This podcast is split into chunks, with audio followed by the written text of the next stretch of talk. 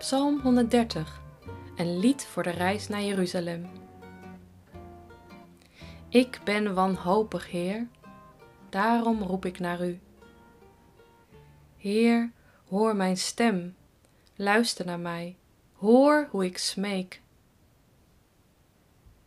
Heer, als U steeds op onze zonde let, dan zijn we altijd schuldig. Maar U vergeeft ons en daarom eren we U. Ik verlang naar de Heer, ik wacht op Hem, ik vertrouw op Zijn woorden. Ik verlang naar de Heer meer dan een nachtwaker verlangt naar de ochtend, naar het licht van de nieuwe dag.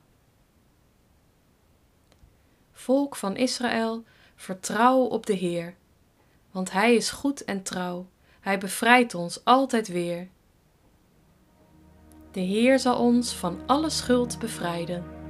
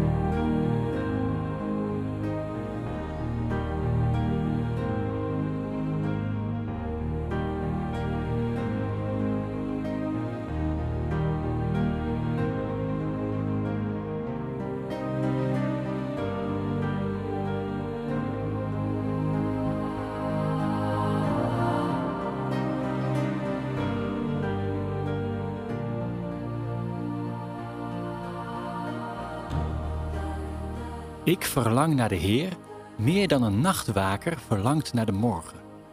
Dat is een prachtig beeld natuurlijk. Stel je het voor, eeuwen terug op de stadsmuren. Het is nacht, pikken donker. Tegenwoordig is alles fel verlicht. De wegen en de huizen en de lege kantoorpanden.